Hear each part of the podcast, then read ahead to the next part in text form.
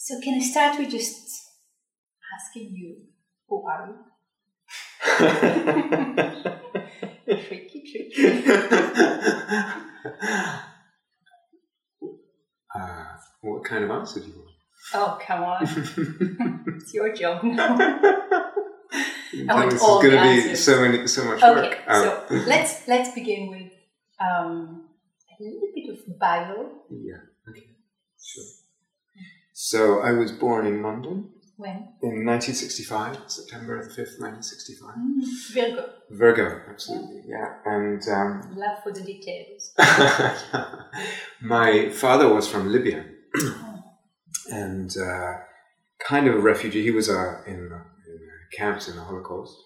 Was he? Yeah, in Belgium. And. Um, oh. uh, how come? How come? It's a long, long story. Um, so let's start right in.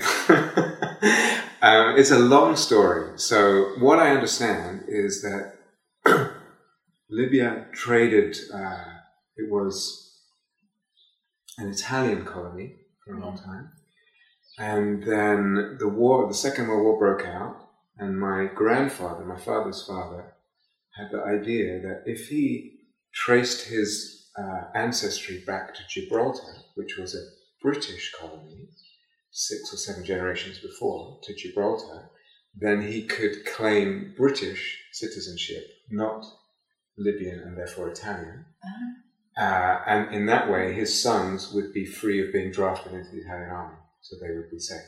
That was his idea. Okay. So he did this, and then the Second World War broke out, but then they were immediately put uh, imprisoned as prisoners of war by the Italians. Wrong time. It backfired. Wow. But then even worse, this is, I think I have the story right, even worse. So they were prisoners of war. It was okay. In Libya, the Italians were very casual. They weren't like the Nazis, you know. Yeah. So, but then somehow they got transported to Italy, mm. um, still as prisoners of war, not as Jews, as, as British citizens. And somehow in the transportation, they crossed paths kind of accidentally with some Germans who found out they were Jewish and separated them and took them to uh, Belgium. So, so he was in a Bergen Belsen. He was in a series of camps, and that, that was one of them. And um, how old was he? He was a teenager, but I don't oh. think he really even knew exactly what year he was born. You know, he's from a different culture, yes, different generation. He's dead now, but um, oh. but he was he was a teenager, and um, and uh, so he went with um, yeah basically the whole family, and they ended up in Belgium, and, um, and but, but, but survived. Um, of course, and the whole family survived. Most of them. Wow, yeah. Uh, he was. Big. I mean, he almost didn't make it, but um, wow. yeah. So it's a complicated story, and uh, but it was. I grew up with that. You know, I grew up with that like intense. Uh, you couldn't. Uh, you know, it was just always around. It was it was like in the air. It was in the in the in the in the psyche and stuff. So I grew up with that that sort of sense of that massive massive you know huge, and um, and it was something I was always really interested in. Actually, I, I kind of wanted to. Uh, uh, I had a difficult relationship with my father. Really, really, just like that. You know, we were very different in a lot of ways, and, and he was really scarred from the war, really traumatized. Um, but I was something about about that. I wanted to kind of. I didn't have the language for it at the time, or even the self consciousness. But I really wanted to open my heart to it. I wanted to open my psyche to that sort of enormous suffering, not just his, but just the totality of it. You know, what humanity is capable of, and that that sort of thing. And I don't know that the same was true, let's say, of my brother or sister. So I had this funny, strange kind of rela- intuitive relationship with it. And I really, you know, he would it was there around. Sometimes he would talk about it more. Uh, you know, usually when he was upset, and he would talk about it. Really? Like um, what? What would you say? Well, a different thing. So if if he was if he was angry, he would use it as a you know like I didn't. yeah. Um, but other times, so, so say he'd been upset about something, and then he was coming out the other end. So he had a terrible temper, rage, and oh. awful, you know, and really a bit crazy, really, to, to be honest. You know, and um, um, but then so, so it was upset, and then he was kind of coming out the other end, maybe even some weeks later, and something was softening in his heart. And then sometimes he would just talk and he would tell stories about the camps and things like this. And I, I just really wanted to drink it in. You know, I really, there was something in me that I just, um, I don't know, just like a sponge, you know. And I think he, I think he maybe, again, probably didn't compute, you know, conceptually, consciously, but I think he sensed that. Um, and so he would talk and I would listen, and sometimes we would talk for hours, you know, and uh, kind of Wow. Yeah. So So, so I grew up with that, and it was really in, in it was just infused. It was in the walls. It was in the it was in the air in the house, you know, and and in my childhood, and and you know the other kids. I was grew up in London. um, no one else around really had that history because they were second, third generation, fourth generation immigrants, and uh, so I was kind of you know it's like I had knowledge and access of this thing um, that probably until my friends were, you know, teenagers, they didn't even hear you know, Wow. about or didn't Yeah, know yes. anything.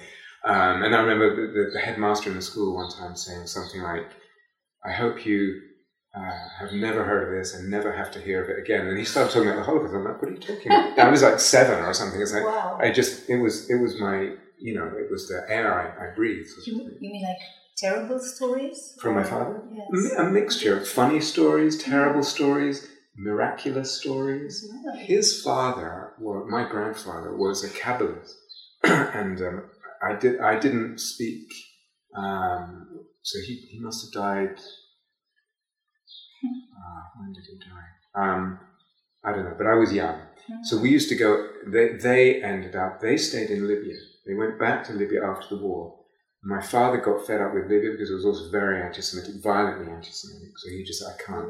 It's well, an Yeah. Arab country. Yeah. So, but they were they were integrated Jews before, and then, um, but then they went back after the war, and it was um, really, really violent. Uh, this is what I heard.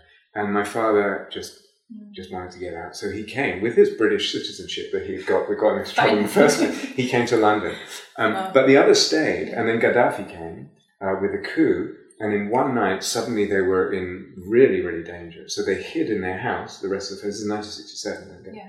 They hid in the house, and someone smuggled them out of the house in the middle of the night, and they came to our house in London, like this extended family of Lib- Libyans. You never met. Uh, um, Or I had been there. I had been there Oh, when I was like one. I don't remember nothing. You know, this is all story. I don't remember. Ah. So, um, so yeah, you know, I show you a picture of my grandmother. She's like a, you know, Libyan, the dress and the, Yeah, just a I'd love to completely yeah. different, you know, culture. Anyway, so they came. They camped out in our in our house, this small house in London. Yeah, there was I don't know how many of them. Um, and uh, they literally escaped in the middle of the night, and they stayed, I, I don't know, a few months or something in our house, and then they went. Some went to Israel, some went to Italy. so you Um, have relatives in Israel. many whose names I don't even know. So many. Wow. If you Burbea, Ab- Burbea or Abuber, you, you, you look it in a phone book or something, if they have phone books or something. But Yeah. they probably ever had Holon and Tel Aviv and Netanya and uh, yeah. One time I was um, I was in Israel as a teenager and I was looking for my aunt. I can't I think it was in but I don't remember. Mhm. And I was completely lost and trying to find this woman. I, I went to a bus stop and there was an old woman there and um, I, I I asked, I'm looking for, you know, my pigeon Hebrew. I asked and I looked at her, and I saw in her eyes this. I recognized in her eyes it was my aunt, but I could tell even before there was something in the eyes. I recognized the the, the my father and my kind of you know the family soul in, in her eyes. So that was interesting. But That was Uh, amazing. yeah, How did yeah. you? she she I, I can't remember exactly how it unfolded, but um but she was she was very close to me. Yeah, Um, course. Anyway, so my father's Yeah. grandfather, my, my, my, sorry, my grandfather, he was A a, a Kabbalist. Kabbalist, yeah, and I think he was a rabbi, I'm not sure. So I, I never really got to communicate with him because I didn't speak Arabic or Ladino. I was going to ask what Yeah. did they spoke? They spoke Ladino and Arabic and Hebrew and Italian. And then my father's and his brother spoke very good English, um, Mm. which I don't quite know where they learned, but um, or when they learned it. Um, but he didn't, and nor did my grandmother. so I had no way of communicating. He was just this guy. Um, uh, you know, he was into his Kabbalistic study and stuff, and he. But he, I have a good feeling memory from, Mhm. from him and a kind of visual of him. Um, but I couldn't really communicate with him. So my father tells stories about him and stuff that happened around him that's kind of miraculous, and I don't know how much is true or not. But but he's a kind of um, soul figure for me. Do you remember one story um, okay. that you want to share? Yeah, there's maybe a couple. So my father was um, uh, really ill in Belgium. He, he says, and again, I don't know if this is true, but he says he was the uh, one person who ever went into the hospital in Belgium and came out alive. Makes sense. Well, that's actually true, but but he was in hospital. He had typhoid or something, like that. and um, uh, so he was really, really weak. And so he came out of hospital. He was on crutches. He's a teenager. He's very weak. And there was this woman. I don't know if you've heard of her, Irma Grese. Have you heard of her? No, I.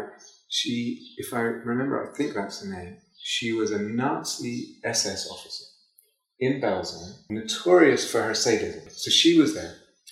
And my father was there just very weak with, with crutches and uh, with hanging out, I think, with um, a few people, including his father, my grandfather, and I think um, his brother, his older uncle, who, who just died, age 94 or something, and see him. And um, so they're standing around and they see Irma Grese, and she comes towards them. And um, my grandfather took the crutches from my father. He just grabbed the crutches and he and he put them as if he was the guy who, who was really weak. She came over and she started, you know, kind of picking on him because he was Yeah. obviously the weakest weak one. one. And and then she um, pushed him, and they were on a near a slope, and, and she pushed him, uh, my grandfather, and he he um, fell and tumbled and tumbled um, like this, and and she found that hilarious. So she's like, laughing like this, but that but that satisfied her. So so he tumbled like this. and My father said if he'd have fallen like Anne Frank, she died because she fell. She was so weak.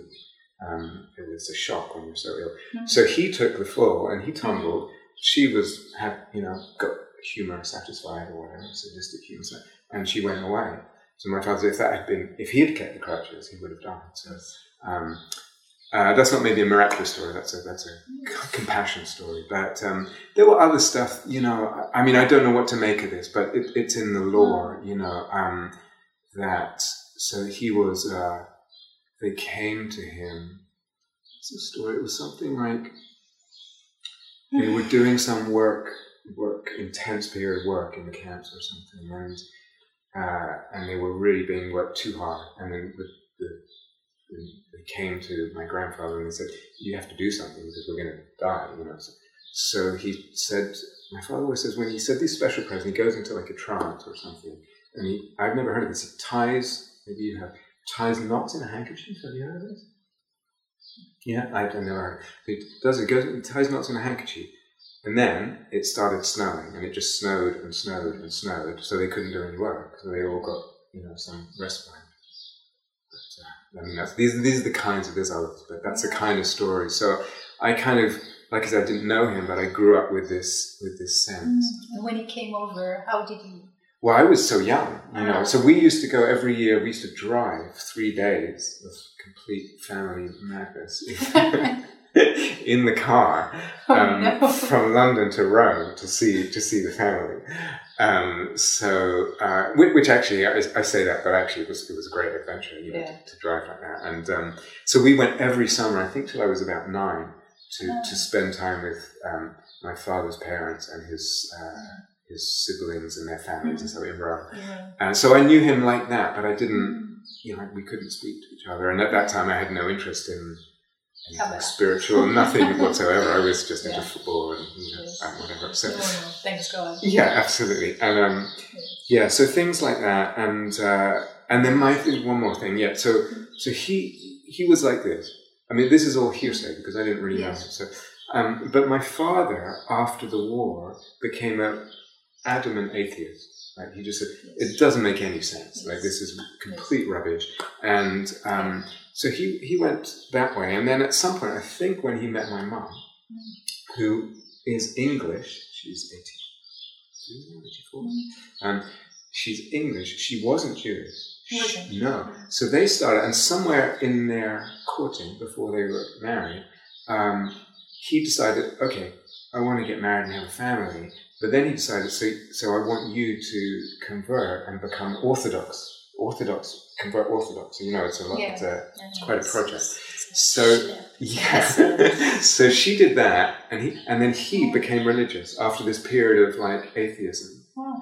But I always felt, um, I, I never felt like his, I never felt like his religiosity was very deep. It was a mm-hmm. very fear-based thing, and a very identity-based mm-hmm. thing, and very rule-based. You know. So I had this grandfather who I heard about, and later became kind of more of a soul figure, like an image figure to me, um, with this very deep sort of um, spirituality, and then a father where it was very oppressive and and really kind of. Um, boy, it, it was really strict in our house. You know, I, I, I, I couldn't play football for the school team on Saturday, so I used to sneak out and you know, it was crazy, you know, all this madness and um, so so it was a kind of brittle, fearful, very contracted and kind of oppressive my sense of it as Mhm. growing up. Uh, you know, it somehow it didn't kind of translate whatever it was and yeah, who knows why whatever. But so it was very different different sense. So you actually grew up in this Orthodox religious. Yeah, I grew up as Orthodox. Orthodox Oh. religious Jewish background, but my father was Sephardic so- Yeah. because he's from Libya. But there wasn't really a Sephardic culture Yeah. in London, so mm-hmm. I- Ashkenazi. yeah, it was all Ashkenazi, and and so in many ways I felt like an odd one out. I felt like an odd one out for being Jewish. I felt like an odd one out also because my father was very dark. He looked like he was from Pakistan or India. Oh, Arab. Uh, yeah, Libya. but but dark Arab, yeah, and Yeah. and so people, and somehow we we you know we Mm. just we, we didn't get that, Mm. and my mum's very pale, and so we inherited more of that. But um, but people would you know be racist towards him and, and Mhm. stuff, and so we had the Jewish thing, we had this kind of racist sort of mixed culture thing that was really ugly, you know, and and then within the Jewish thing, I also felt like it wasn't quite because we were Sephardic. Yeah. So um, yeah, I, but I grew up in an Orthodox uh, Jewish house. Everything was really like this, you know, and um, Wow. and And second generation, which is Holocaust. Yeah, Yes, yeah, it yeah. a It was very- intense with that. Yeah, and and then my mom was converted from this very sort of English sensibility and Why, culture. why did she do it? Like she wanted to, or you persuaded her into it? She didn't mind, or I mean, it's quite a thing to do I- when someone. I wouldn't like to. I could guess, but I wouldn't like to. You know, also because she's still living. So, Yeah, you, know, I don't know. You can ask her. Maybe I'll get a chance. Uh, so it was it was intense. It was like a very intense Mm-hmm. place, you know, very intense vibe to grow up in. And but it was orthodox and really strict. And and for a period I was into it, you know, when I was kind of young. Like in what way? Like I used to, you know, I uh, could uh, read uh, without the um, the vowels. I could, you know, land and sing. I knew the services off by heart. I knew all, all this stuff. Yeah, you know, I was saturated in that. In that, Yeah. we had a really, you know, strict Jewish education. I just, at a certain age, I took to it, and then at some point, I just like no. Um, probably when I was like thirteen or fourteen, and then I was a very adamant atheist and um, science and all this stuff, and um, and then And you did your bar mitzvah. Oh, I did my bar mitzvah. Believe me, I did my bar mitzvah. I did the whole thing. Do you remember? Yeah, yeah, yeah. La milchama, all the way back, etc. Um, this one yeah. about war. about war. It's all about war. Yeah, it's interesting. Not all of it. Some of it is nice. Uh, I forgot it's about prostitution. I think some of it as well. You know, you know it well. I just understand Hebrew. I don't know Oh, oh, okay, yeah, sure, okay, yeah. A lot of it's about I can't remember now, but but uh, yeah. So for a period, I was into it, and I did that, and I, you know, I was um, saturated in that culture, and I took to it, you know, at a certain age, and then I really rejected it, and then there was this battle with my father about it. But he, the other thing about him, is this okay? What way- That's great. Okay, so um, the other thing that so That's he he couldn't um, you know when I uh, so late 13, 14, just very kind of into science and logic and this kind of thing, and, and I think my you know brain develops at that age Yeah. and all this stuff. So um, and then at a certain age, it was probably around 16, 17, and I really um, I don't know if it was um, uh, my first love and then being rejected by her and then I, I don't know if this triggered something and um, I spent a lot of time on my own like in the, in the year it was around 16 17 and a lot of time in nature and something just in my consciousness. You know, like it really a whole other sensibility to, to music and to nature and to some kind of spiritual sense that I Mm. didn't really have. A, um, so I was just something really happened over the period of about a year. It was very um, again really intense, but but I'm really thankful for it. You know, um, so I really got into music. Uh, it was so important for me, and I started playing. What, what did you play? I started playing guitar. My parents, my father had um, he telling you too many things at once, but um, he he was really into music. My mum played piano Oh. um, fairly well, and so they started us very early age at piano, and I hated it. So I did it for I like a year, and then I um, and then I, I think I managed to get out. And then later they said I could start again violin, which is actually what my father wanted to play. And he said some in the camps there was a Jewish violinist, and he just was totally taken with this. You know, really in Belgium? You you have a you have a relatives in Belgium? Or, or in the in the French? Ah, yeah, he was he was a musician. That's how he survived, and he played just Wow. about everything. That's how he survived. Every instrument. Yes, Wow. he was a, like this genius. And I mean, I don't know the story really well, and I don't know where he was, but probably Huh? also there. What, what, what country was it? Colin. Wow. Wow. Yeah, so maybe was- who knows? who That's- knows? yeah. But I think that was a thing the Nazis did, the SS did. They took these musicians, you know. Right. So, so there was someone or, or a few people in the camps that, that really made an impression on my father with the violin. So he really Mm. wanted to learn the violin. But anyway, so he made me learn the violin. he didn't at that age. And uh, so I hated that as well. And I, I, I didn't, I really wasn't. I did it, I think, for a year or two. But then uh, this something happened like when I was six and, and uh, sixteen or seventeen, and I really got into music, and I got into classical guitar, and also really I was really into Hendrix and, and different Yeah. things. And um, um, but I studied classical guitar very seriously. Oh, And- did you? At the same age, or yeah. oh, Yeah. interesting. Um, and yeah, I just saw this. There was this program. Um, it's called BBC Young Musician of the Year. It was like a competition for these young. And I saw this young guy. You went there. Oh, what's that? You wanted No, it was on TV. I just Ah, saw okay. him play this um, guitar Yeah. concerto, and I, I want to do that. It was just so clear. Yeah. Um, and so I Wow. started. I started. Yeah. Um, anyway, so uh, yeah, when I got when, when I took up guitar, it was because I wanted to do it. as opposed and I just really loved it. Yeah. Uh, yeah. Can I just Yeah. go back a bit and ask you? You're the oldest. I'm the middle, so I have an older sister, a year and a half older, Mm. and a younger brother, a year and a half younger. So it's Mm. three of us in the middle. Um, Sandwich. sandwich, but also the oldest male, which I think in Mm. that with Yeah. my father, That and his. Yeah. you know, he'd never finished school because of the war, and uh, and he had this kind of refugee mentality, you know, around Yeah. food and around money and saving. So it was it was really so he put all, saved all his money and sent us to as good school as we could go, Wow. you know. So, but there was Wow. so much pressure on us, and I was, you know, I kind of achieved academically, but for my brother and sister, it was really heavy. You know, it wasn't their thing, and Mm. and uh, so it was, it was, mm, you know. But it was like a mix for you because you also were so drawn to music. And then Yeah, well, that was a little late. Yeah, I got really drawn to music, and but so my father had there was so much pressure academically and imagine. and to achieve, and I I, I didn't really get liberated from that until after I started at university. Um, so in other words, I followed that trajectory, and I was kind of, you know, I was um, like, uh, what's the word?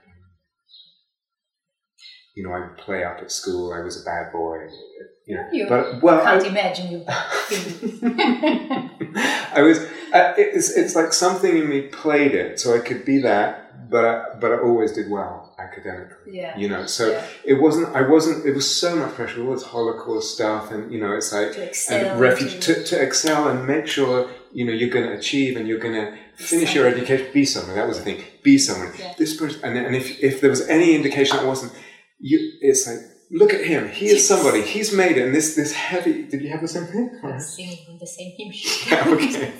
So it was, I never, it took me until I was like 20, I, I went to university, I went to, you know, I went to Oxford and all this stuff. It's, mm-hmm. it was all what he wanted to do, you know, for me. Yeah. And, Yeah. and it's, but then after that, then I said, that's it. Now I'm going to study music. I have Wow. very little money, there's a school in America and I can get a place there. I went to Berklee to study jazz. I was by that time into jazz. Wow. And I told my father, and it was terrible. You know, he just he just completely didn't speak to me.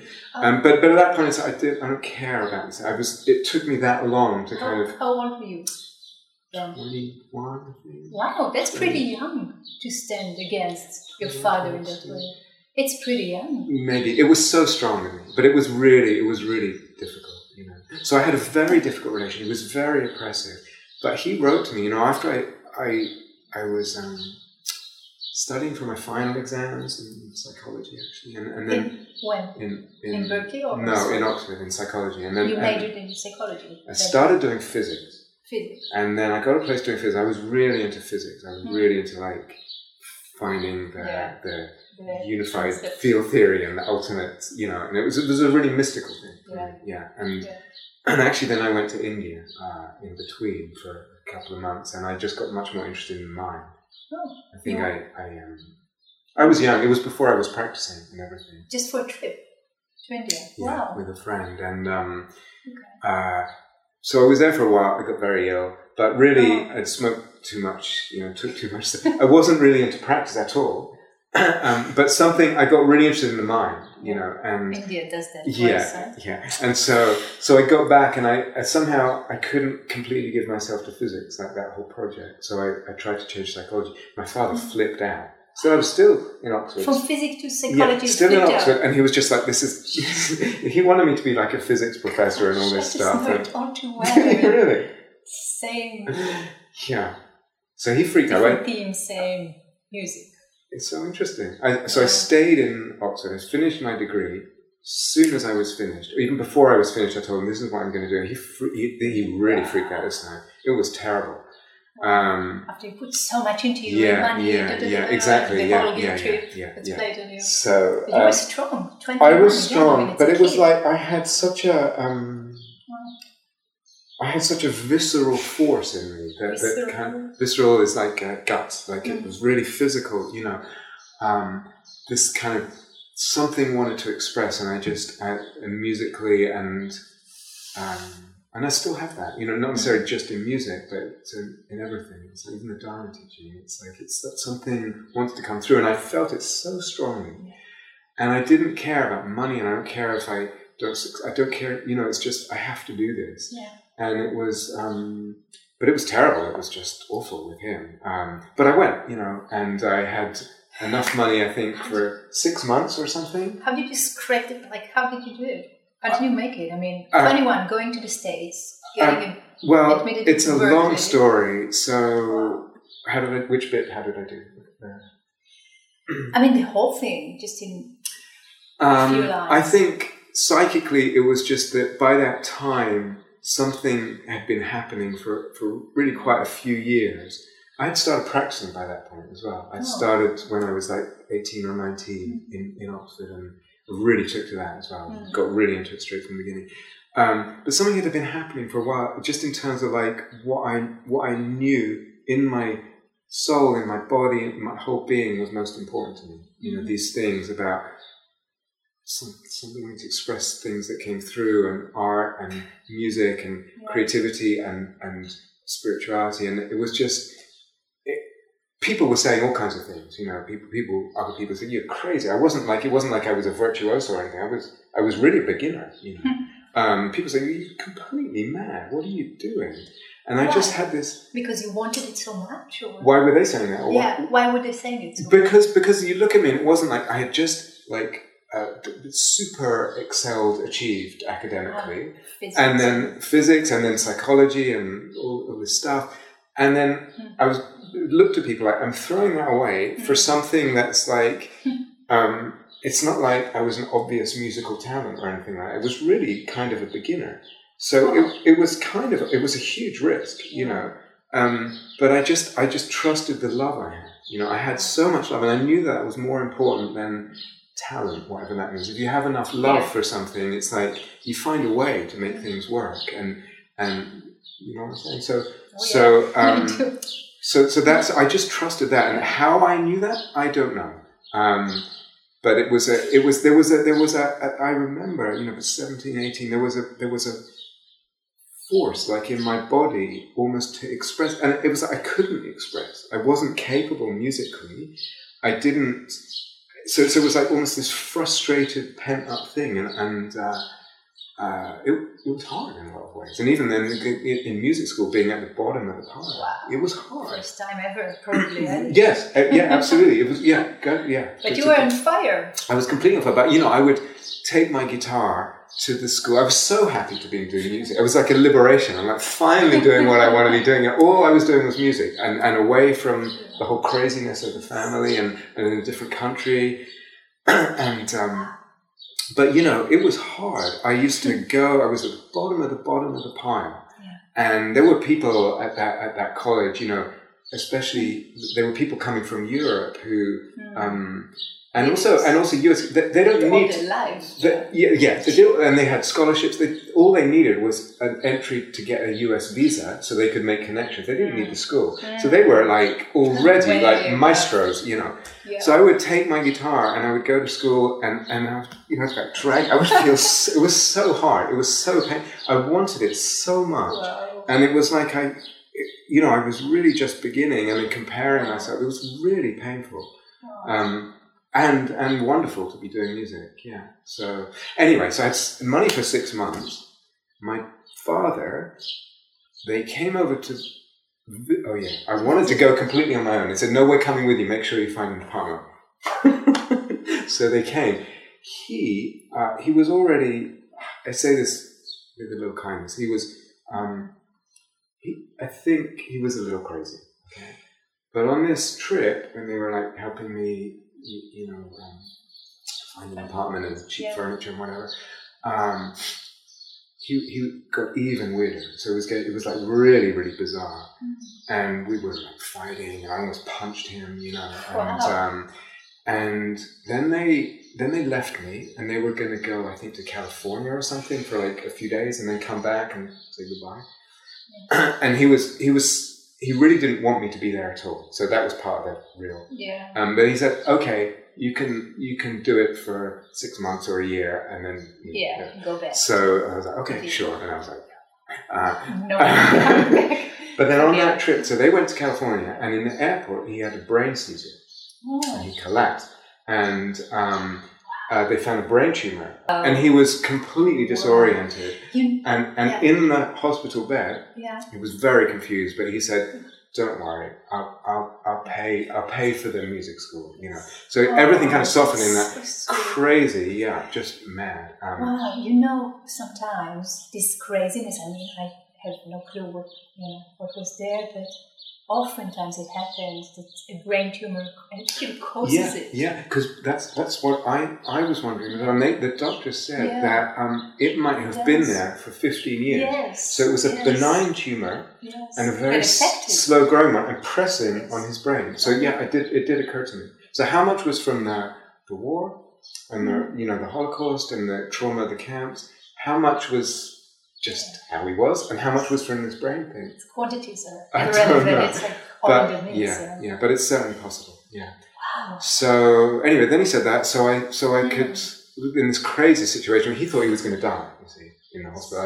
I, I had a sense that he wasn't, but he thought he was going to So die. sweet of him to It's very, actually come he and was- meet you he- when yeah, you want he to was- you know, at the end of the day, I know that he really loved me. I had such a hard time with him, but I, I can't, you know, I did therapy and whatnot, and I came to a place where I just, I kind of accepted his limitations. So I don't, I don't, um, I don't, I don't have a problem with him now. I don't, I don't, um, I saw what he could give me. It's like there's a, I can't really put my word, but there's a lot of peace there, and, and it feels good. You know, I might have wished, I wish I had a more peaceful childhood, or easier, less intense, or you know, less pressure. But, but it was what it was, and it's part of my soul. You exactly. know, and, and, and who knows? yeah, yeah. You know, so it's part of forging what I, what I am. You know, and I'm grateful for that. And so I don't have any lingering like uh, anything at all with him. And he, yeah, he thought he was going to die, so he did this. It was very beautiful. So I ended up staying. I mean, I, I was really had very little money at times, but um, but I could do it. And I and, and then he actually died a few years later before I graduated. And he kept Um, supporting you all the He time. kept he just kept about, just about, yeah. Um, but basically, yeah, basically, I was able to do it, and touch and go. But I was able to do it, and then he- and then he died. Um, he died of a heart disease that was undiagnosed, which is just like really suddenly. Um, But he wasn't like pressing you to live it, or that was the he, end. he was. I think his idea was like, you finish this, you grow up a little bit, and then you come back and get a normal job. And this can be a hobby, you know. yeah, Um, that was that was his idea. But um, anyway, things didn't turn out that way, and so weird. You know, I went to America on this thing to study with enough money of my own for a, a few months, and I ended up staying 15 years. Fifteen. Um, How how, how um, when did he die? How old were you? I was 26 when he died. Oh. He was 92, and he died, like I said, very suddenly. Very suddenly. Very suddenly. I just got a call. He was already dead. You know, um, so I flew back for the funeral. Mm. Um, uh, yeah, so I wasn't. Um, yeah, I, I think also I was dragging out my music school after a certain time because I didn't have enough money to pay the full tuition. So I just sort of Hmm. uh, dragged it out a bit longer. And you did like have planned to had planned to go back, or I didn't had make- something in mind. no, I didn't- I didn't- Staying here. I was just staying here, and, and also by that point, I had gotten into a psychotherapeutic process there, Mm. and I was really dedicated to that. So there was, it's like I want to stay here and do this, and um, both these things. Yes. Yeah.